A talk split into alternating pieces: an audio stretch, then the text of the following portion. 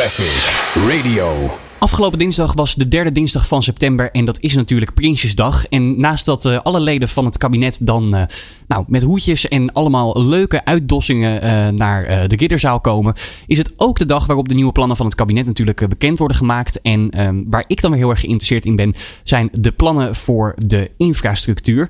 En uh, dan met name uh, de investeringen die de overheid wil gaan doen in fietsen. Jawel, uh, dat is natuurlijk de meest duurzame manier om jezelf voor te bewegen.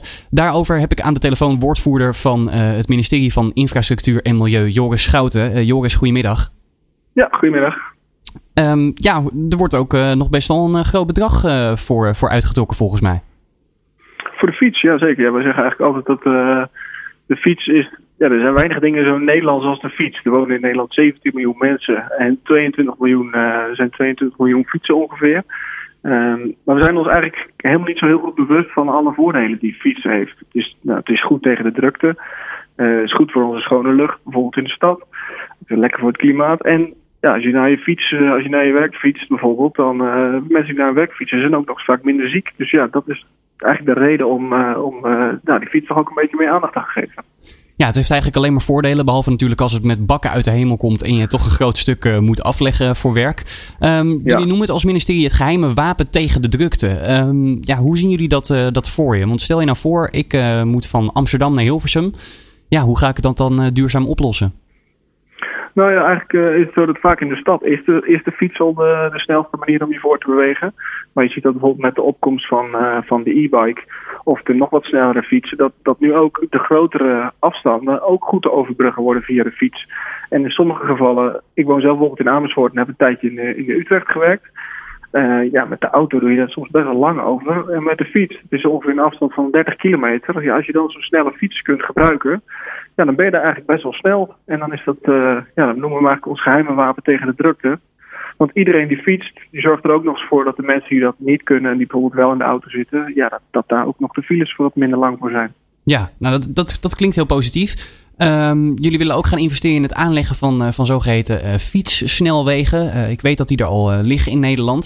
Um, heb jij enig zicht op in welke trajecten die, die fietspaden er zullen komen? Ja, er is een bedrag vanuit het Rijk van 100 miljoen voor gereserveerd. En ik, ik moet er heel nadrukkelijk bij zeggen, dat is de bijdrage van de Rijksoverheid. Want de provincies en vooral ook, uh, vooral ook gemeenten, die doen daar heel veel voor.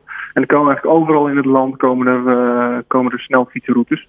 Want als je eenmaal zo'n, ja, als je eenmaal een fiets hebt, wil je natuurlijk ook door kunnen fietsen. Zo'n snelfietsroute is een, uh, is een route, die kom je bijvoorbeeld geen stoplichten tegen. Of je fietst los van de, auto, van de auto's, zodat je zeker weet dat je ook veilig en snel door kunt fietsen. En die, en die zie je overal in Nederland nu, nu komen, ja.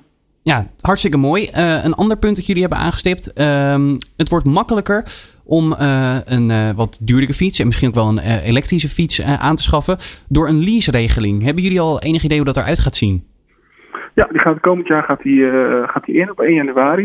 En dan kun je dus eigenlijk net zo heel veel mensen die, die zijn nu al bekend met de auto van de zaak. En straks heb je dus ook de fiets van de zaak. En nu is dat allemaal qua belasting en qua regels is het nog best wel ingewikkeld om en een fiets te leasen en een auto te leasen. En straks kun je dat uh, makkelijk met één keer een bijtelling van 7%. En dan heb je voor, uh, dat ligt natuurlijk een beetje mij wel voor, voor ongeveer een tientje per maand. Heb je ook, uh, kun je ook zo'n mooie fiets doen. En dan kun je dus ook, dan kun je dus ook bijvoorbeeld kiezen. zoals je net zei, soms regent het heel hard. Ja, dan kun je hem misschien thuis laten staan en kun je de auto of het openbaar vervoer pakken. Maar als het wel mooi weer is, kun je dan inderdaad op zo'n op zo'n snelle fiets naar je werk. En hoe gaan jullie dat realiseren om dat eenvoudiger te maken? Uh, dat wordt al gerealiseerd. Het staat in de, staat in de uh, nieuwe, belasting, in het nieuwe belastingplan.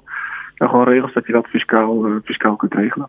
Um, ja, dat, ik snap dat, dat, dat, dat die belastingvoordelen heel interessant zijn. Maar hoe ga je er nou daadwerkelijk voor zorgen dat mensen echt die fiets gaan pakken? Is daar nog een, een campagne voor in aantocht?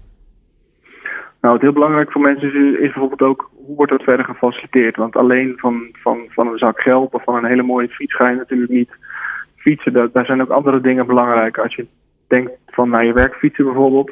We zijn ook met een hele hoop uh, staatssecretaris van Veldhoven bij ons, dus ook met, met werkgevers in Nederland in gesprek.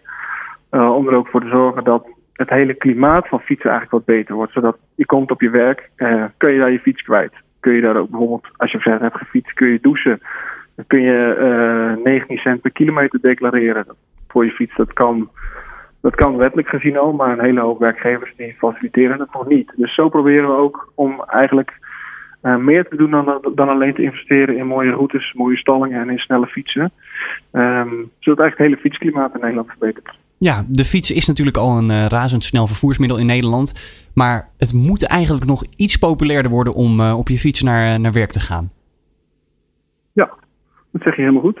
Nou, uh, laten we hopen dat dat uh, met uh, de nieuwe plannen van het kabinet voor het aankomende jaar gerealiseerd gaat worden. Het zou natuurlijk erg mooi zijn, ook voor het milieu, als de auto iets vaker thuis blijft staan. Joris Schouten van het ministerie van Infrastructuur en Milieu, woordvoerder daar, enorm bedankt voor je tijd. Graag gedaan. Was je zelf vandaag trouwens op de fiets? Ik ben zelf het eerste stukje met de fiets gekomen en daarna met de trein. Oké, okay, nou dan is het goed. Fijne dag verder, Joris. Heel insgelijks, dank je. Traffic Radio.